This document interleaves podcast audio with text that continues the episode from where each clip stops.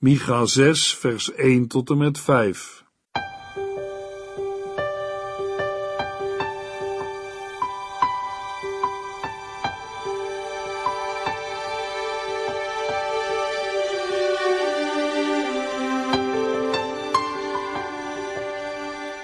Hartelijk welkom bij De Bijbel Door, een programma van Transworld Radio. De Bijbel Door is een radioserie die u in vijf jaar meeneemt door de hele Bijbel. Van Genesis 1 tot Openbaring 22.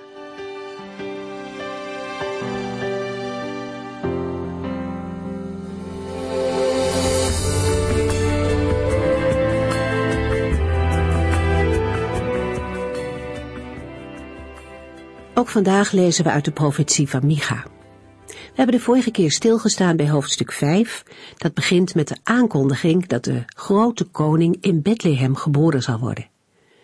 Die gebeurtenis zal een keerpunt in de geschiedenis zijn. En vervolgens beschrijft Micha dan hoe die koning zal zijn. Hij zal als een herder voor zijn volk zorgen, hij zal hen wijden en zij zullen in vrede kunnen wonen omdat hij heerschappij heeft over heel de aarde. Als we denken aan de vijandschap waar Israël toen, maar ook in onze tijd mee te maken heeft, is het een hoopvol vooruitzicht. Er komt een tijd van vrede en herstel. Niet alleen in politiek opzicht, maar ook in geestelijk opzicht zal er vrede en rust zijn. In vers 4 staat het zo heel eenvoudig. En hij zal onze vrede zijn. Een simpel zinnetje, maar wel met een grote diepgang. De vrede van God gaat veel dieper dan het ontbreken van oorlog. De herder koning uit Bethlehem is vrede. En hij maakt vrede met God. Zij is er in hem en door hem. Het betekent dat God niets meer tegen mij heeft. Het is door Christus in orde tussen de Here en mij. En vanuit zijn vrede heb ik vrede met mijn omgeving, mijn omstandigheden en met mezelf. En ik hoop zo van harte, lieve mensen, dat dat ook voor u geldt.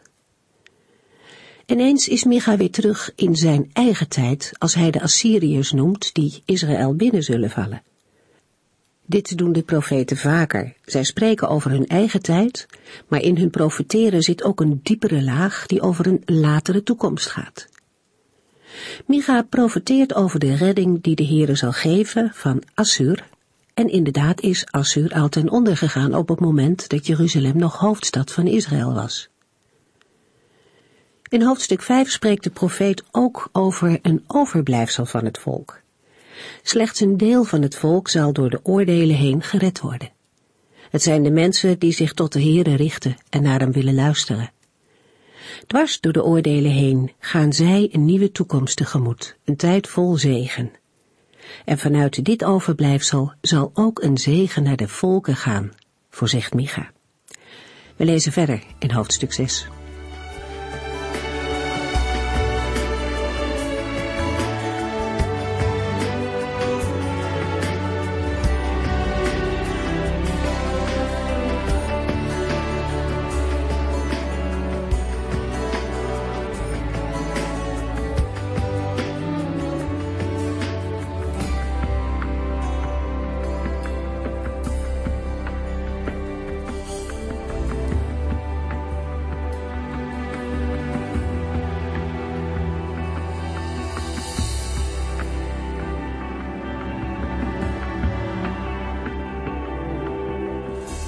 In Micha 6 moet de profeet Micha een rechtszaak voorbereiden tussen de Heer en zijn volk Israël. We lezen in Micha 6 vers 1, Luister naar wat de Heere tegen zijn volk zegt. Sta op en breng uw beschuldigingen tegen mij naar voren. Laten de bergen en heuvels getuigen zijn van uw aanklacht. Uit de woorden van vers 1 wordt duidelijk dat de Heere de aanklager en rechter is en dat Israël is gedagvaard, omdat er een aanklacht tegen het volk ligt. Daarbij moeten we ons voorstellen dat de rechtszitting in de open lucht plaatsvindt, in een van de dalen van het bergland van Judea. Dit omdat de bergen en heuvels als getuigen bij de rechtszaak zijn opgeroepen. Dat is niet toevallig, want de bergen zijn in de Bijbel symbool van onwrikbaarheid, vastheid en onvergankelijkheid. In andere vertalingen lezen we in Micha 6 vers 2 dat de bergen de sterke fundamenten of de onwrikbare grondvesten van de aarde worden genoemd. Bergen zijn er al heel lang, langer dan een mensenleven. Bergen verduren de eeuwen. Er was er maar één die er al was voordat de bergen er waren. In Psalm 90 lezen we wat Mozes, de vriend van God, ervan zegt. We lezen in Psalm 90, vers 1 en 2. Here, van generatie op generatie hebben wij onze hulp en kracht bij u gezocht. Al voordat u de bergen schiep, was u God. Voordat u de aarde schiep, was u God. Vanuit de eeuwigheid van oudsher tot in de eeuwigheid in de verre toekomst bent u God. Alleen de eeuwige God was er al voordat hij de bergen schiep. Mensen komen en gaan, maar de bergen blijven staan, eeuw in, eeuw uit. De bergen hebben dan ook heel wat gezien. Ze zijn ook getuigen geweest van het handelen van God met zijn volk en van het handelen van dat volk met zijn God. Daarom zijn de bergen bij uitstek geschikt om als getuige dienst te doen. Zij hebben alles gezien. Zou de schrik het gedagvaarde volk Israël al om het hart slaan? Waarom? Omdat daar blijkens het vervolg alle reden toe is. Bovendien alleen al het noemen van de bergen en de heuvels zou Israël het schaamrood naar de kaken moeten doen stijgen. Want de hoge bergen en groene heuvels waren bij uitstek de plaatsen waar het volk van God zijn gruwelijke afgoderij bedreef. Als de bergen en heuvels een boekje open zouden doen over wat zij gehoord en gezien hadden, dan zag het er voor Israël niet goed uit. Bijvoorbeeld in 1 Koningen 14 vinden we wat er in de tijd van Jerobiam in Israël gebeurde. We lezen in 1 Koningen 14 vers 23 en 24. Ook zij bouwden tempels, gewijde stenen en afgodsbeelden op elke hoge heuveltop en onder elke groene boom. Er kwam zelfs door het hele land verspreid tempelprostitutie voor en de inwoners van Juda bedreven dezelfde gruwelijke zonde als de heidense volken die de Heere vroeger het land uit had gejaagd, om plaats te maken voor zijn volk. Ook in het Bijbelboek Jeremia lezen we voorbeelden van aanklachten van de Heere tegen Israël. We lezen in Jeremia 3, vers 6 tot en met 25.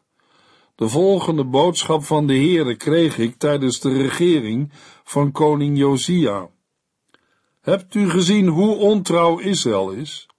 Als een prostituee die zich bij elke gelegenheid aan mannen geeft, aanbad Israël haar afgoden op elke heuvel en in de schaduw van elke boom. Ik dacht dat zij op een goede dag naar mij zou terugkeren en weer van mij zou zijn maar zij kwam niet terug. En haar trouweloze zuster Juda zag de voortdurende opstandigheid van Israël. Toch schonk zij daar geen aandacht aan, ook al zag zij dat ik het ontrouwe Israël verstoten. Maar nu heeft ook Juda mij verlaten en zich aan anderen verkocht. Lichtzinnig, zonder er verder bij na te denken, begon zij stenen en houten afgoden te vereren. Zo werd het land verontreinigd en ontheiligd. Deze trouweloze zuster Juda keerde niet echt naar mij terug, want haar berouw was maar schijn, zegt de Heere God. Als het erop aankomt, is het ontrouwe Israël minder schuldig dan het bedriegelijke Juda.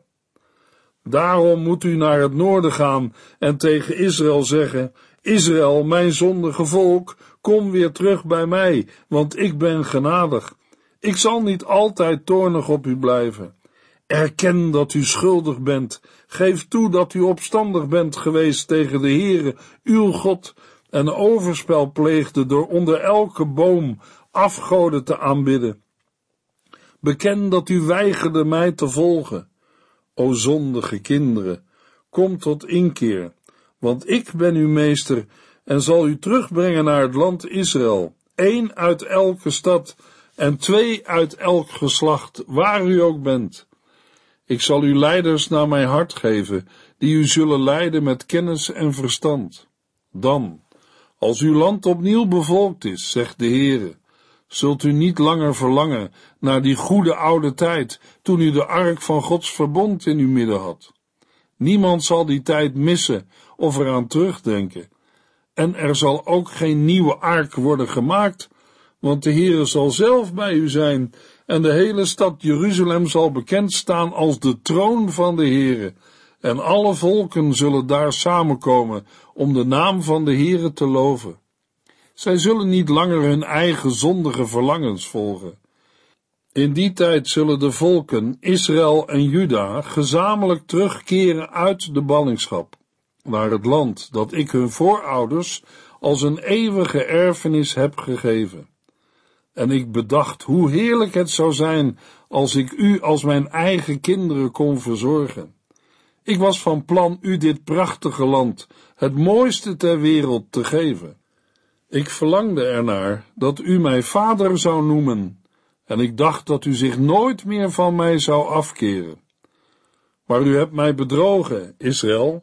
U hebt zich gedragen als een ontrouwe vrouw die haar man in de steek heeft gelaten.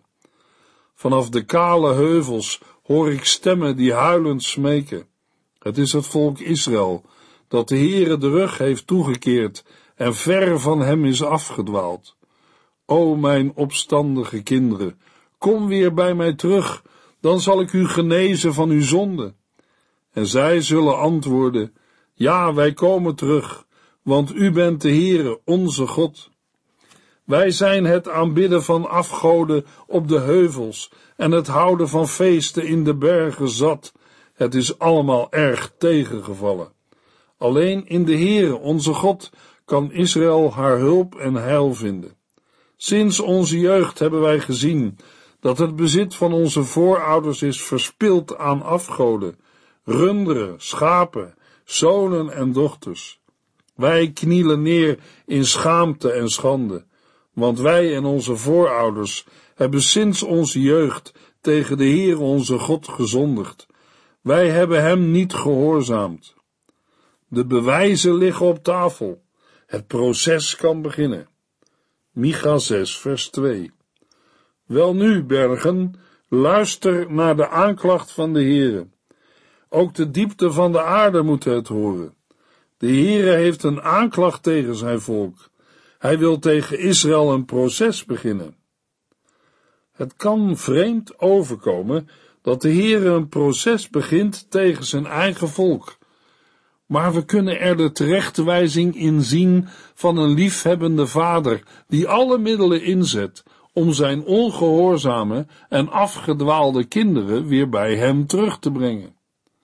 De Heere heeft wel een aanklacht tegen zijn volk, maar het proces is niet bedoeld om zijn kinderen kwijt te raken, maar tot inkeer te brengen. Daarom zijn er getuigen nodig en ligt er een aanklacht op tafel.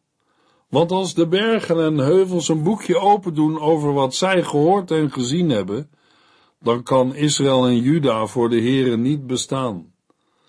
Dan moeten zij met Psalm 130 bidden, ik zit zo diep in de put, Heere, en ik roep naar u, luister naar mij, Heere, laten uw oren naar mij luisteren, Heere. Als u al onze zonden blijft onthouden, kunnen wij immers niet blijven leven. De dichter van Psalm 130 komt dan in vers 4 en 5 tot de beleidenis. Maar ik weet dat u vergeeft, zodat iedereen ontzag voor u zal hebben. Ik verwacht alles van de Heere. Ik ken zijn woord en heb er alle vertrouwen in. Maar zo ver is het met het volk Israël in de dagen van Micha nog niet. In het slot van vers 2 moet de profeet Micha zeggen: De Heere heeft een aanklacht tegen zijn volk hij wil tegen Israël een proces beginnen. Wat moet dat worden? En als wij aan onszelf denken en vragen, als de Heere nu met mij een proces zou beginnen, wat zou dan de afloop zijn? Iets over anderen zeggen en met de vinger naar anderen wijzen is altijd gemakkelijker dan zelf in de spiegel te moeten kijken. Als ik het van mijzelf moet verwachten, dan staat de uitkomst van het proces al vast, schuldig op alle punten. Ik heb niet alleen een advocaat nodig die voor mij opkomt, maar ook een zondebok die al mijn schuld op zich neemt en verzoent. Luisteraar, die advocaat en zondebok heb ik mogen vinden in de Heer Jezus Christus, mijn heiland en verlosser. In Hebreeën 9, vers 12 tot en met 14 lees ik wat Hij voor mij heeft gedaan. Eens en voor altijd ging Hij met bloed het Allerheiligste binnen en sprenkelde het op de plaats waar de zonden worden vergeven. Maar dat was niet het bloed van bokken en kalveren, nee, het was zijn eigen bloed. En daarmee heeft hij ons voor eeuwig van de zonde bevrijd. Als het bloed van bokken en stieren en de as van jonge koeien van zonden konden reinigen, hoeveel te meer zal dan het bloed van Christus ons hart en leven veranderen. Hij die zelf zonder zonden is, heeft door de hulp van de eeuwige geest zich gewillig aan God overgegeven om voor onze zonde te sterven. Daardoor wordt ons geweten gezuiverd van daden die tot de dood leiden en kunnen wij de levende God dienen. Micha moet in vers 2 zeggen, wel nu bergen, luister naar de aanklacht van de Heere. Ook de diepte van de aarde moet het horen. De Heere heeft een aanklacht tegen zijn volk. Hij wil tegen Israël een proces beginnen. Micha 6 vers 3 Mijn volk, zegt de Heere, wat heb ik u aangedaan, zodat u zich nu van mij afkeert? Waarmee heb ik u dan lastig gevallen? Kom voor de dag met uw beschuldigingen. Antwoord mij. Bij de woorden van vers 3 kan onze mond openvallen van verbazing. Wie had bij rechtszitting dit verwacht? Dat de aanklager aan de aangeklaagde vraagt: Mijn volk, wat heb ik u aangedaan, zodat u zich nu van mij afkeert? Waarmee heb ik u dan lastig gevallen? Een andere reactie zou kunnen zijn dat het allemaal nog wat lijkt mee te vallen. Zeker, het is duidelijk dat de Heere van oordeel is dat hij aan zijn volk tekort is gekomen. Dat hadden zij uit de prediking van Micha ook kunnen weten, ook al waren zij het er niet zo erg mee eens geweest. Maar hoe dan ook, uit vers 3 blijkt dat de Heere niet begint als een boze rechter die vonnis wijst. Er klinkt eerder verdriet en teleurstelling in door over gekwetste liefde. De Heere zegt, mijn volk, wat heb ik u aangedaan? Na alles waarop Micha en andere profeten het volk hebben gewezen, had de Heer alle reden en ook het recht om zijn volk te verstoten. Zij hadden immers het verbond gebroken, maar de Heere doet dat blijkbaar nog niet. U ziet in de woorden van de Heer het hart van God opengaan. U hoort de liefde die worstelt om het hart van zijn volk.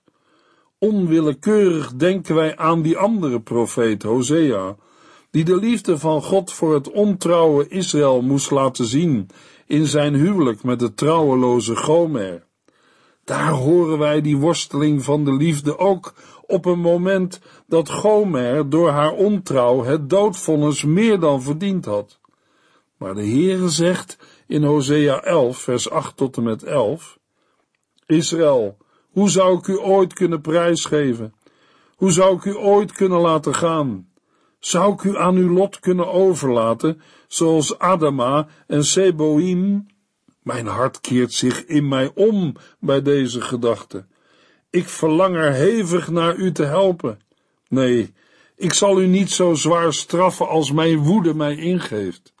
Ik zal Israël niet verder vernietigen, want ik ben God en geen mens. Ik ben de heilige God die bij u woont en ik ben niet gekomen om te verwoesten. Het volk zal achter de Heer aangaan. Ik zal brullen als een leeuw tegen hun vijanden en bevend zal mijn volk terugkeren uit het westen.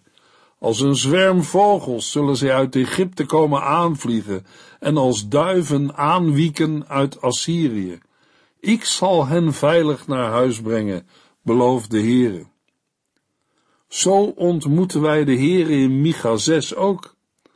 Het is alsof God de rollen omkeert. In plaats dat Gods boosheid losbarst over zijn volk, is het alsof de Heere zelf neerdaalt en plaatsneemt in de beklaagde bank en de vraag stelt: Heb ik het niet goed gedaan? Heb ik jullie verdriet gedaan?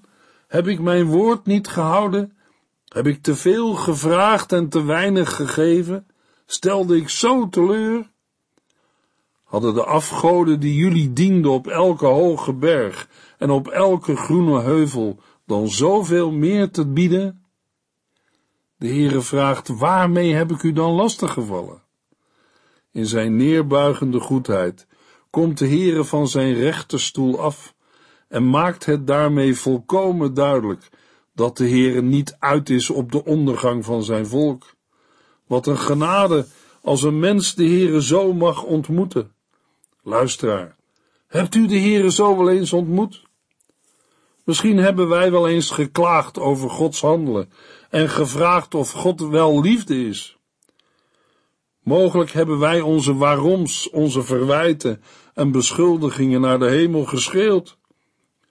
Of de vragen zijn er wel, maar wij proberen ze te onderdrukken omdat we denken, zo mogen wij toch niet tegen God praten. En daar hebt u helemaal gelijk in. Maar in Micha 6 zegt de Heere, vertel het mij maar.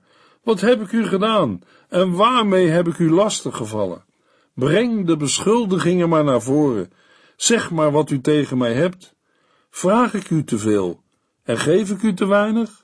Had u meer verdiend dan u kreeg? Heb u recht op wat anders? Waarom hebt u zich van mij afgekeerd? In het vervolg, in de versen 4 en 5, gaat de Heere het geheugen van zijn volk opfrissen. Dat doet de Heere door te herinneren aan zijn grote daden uit het verleden. Micha 6, vers 4 en 5. Ik heb u immers uit Egypte gehaald en verlost van die slavernij. Ik gaf u Mozes, Aaron en Mirjam om u te leiden. Mijn volk, bent u dan vergeten hoe koning Balak van Moab probeerde u te vernietigen, door u door Biliam, de zoon van Beor, te laten vervloeken? Weet u niet meer dat ik hem toen in plaats van een vloek een zegen liet uitspreken? Keer op keer heb ik voor u het beste gezocht.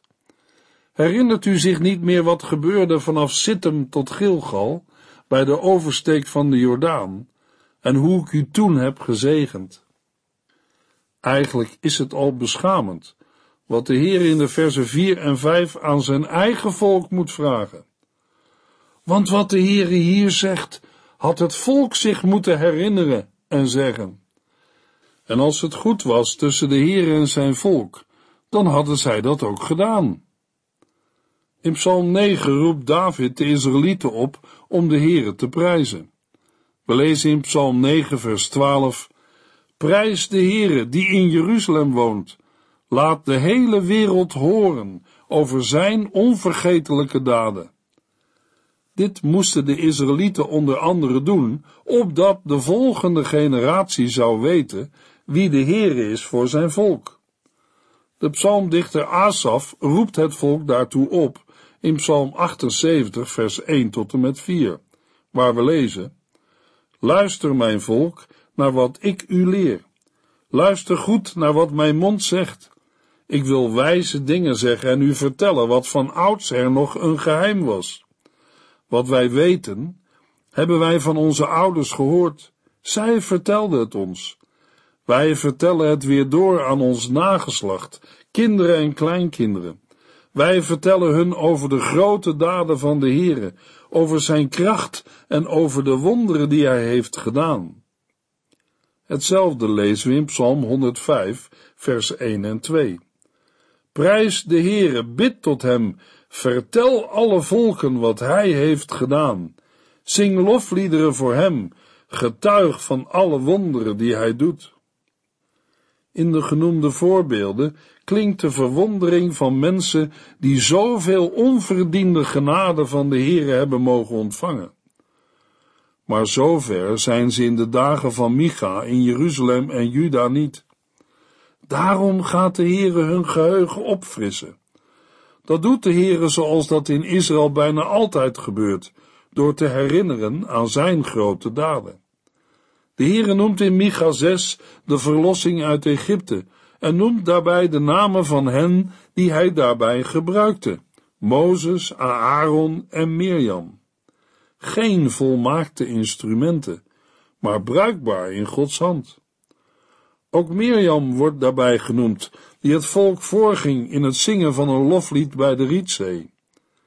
Het zingen van overwinningsliederen is ook iets dat de Heere zijn kinderen leert. Ontroerend klinken opnieuw de woorden in Micha 6 vers 5. Mijn volk, bent u dan vergeten? Waarna de Heere herinnert aan het voor Israël zo kritieke moment toen koning Balak van Moab aan het einde van de woestijnreis Biliam inhuurde om het volk Israël te vervloeken. Toen veranderde de Heere de vloek in een zegen, omdat de Heere zijn volk ondanks alles liefhad. En aan het slot van vers 5 worden de Israëlieten pijnlijk herinnerd aan de gebeurtenissen bij Sittim, waar Israël op een verschrikkelijke manier Baal Peor had gediend, de afgod van de Moabieten. Maar daarna had de Heere voor het volk een pad gebaand door de Jordaan naar Gilgal, de plaats van de verbondsvernieuwing in het beloofde land Canaan. Alles samengevat, de Heere toont in Micha 6 vers 4 en 5 op een wonderlijke manier zijn grote daden en laat tegelijk zien hoe trouw en genadig hij zijn volk altijd heeft geleid. De ontrouw van het volk heeft de trouw van de Heere niet opgeheven. Dan heeft de Heer er toch ook recht op om door zijn volk geëerd en gediend te worden? Te meer als we zien hoe dat volk elke keer weer tegen de Heere opstond en van die God afdwaalde. En voor ons? Luisteraar, in Psalm 102, vers 27b en 28 lezen we: Alles slijt weg als oude kleren, maar u blijft dezelfde. Aan uw bestaan komt geen einde. Zoek hem terwijl hij nog te vinden is. In de volgende uitzending lezen we verder in Micha 6.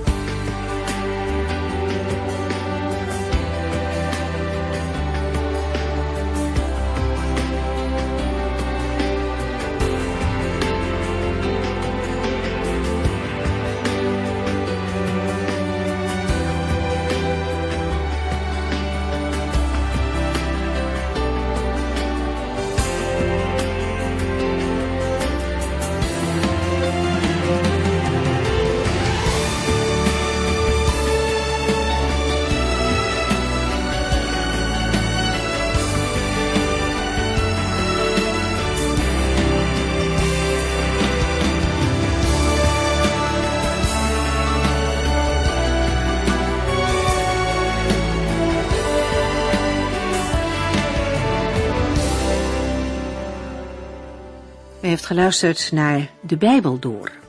In het Nederlands vertaald en bewerkt door Transworld Radio. Een programma waarin we in vijf jaar tijd de hele Bijbel doorgaan. Als u wilt reageren op deze uitzending of u heeft vragen, dan kunt u contact met ons opnemen. Tijdens kantooruren kunt u bellen op 0342 47 8432. 0342 47 8432. 32.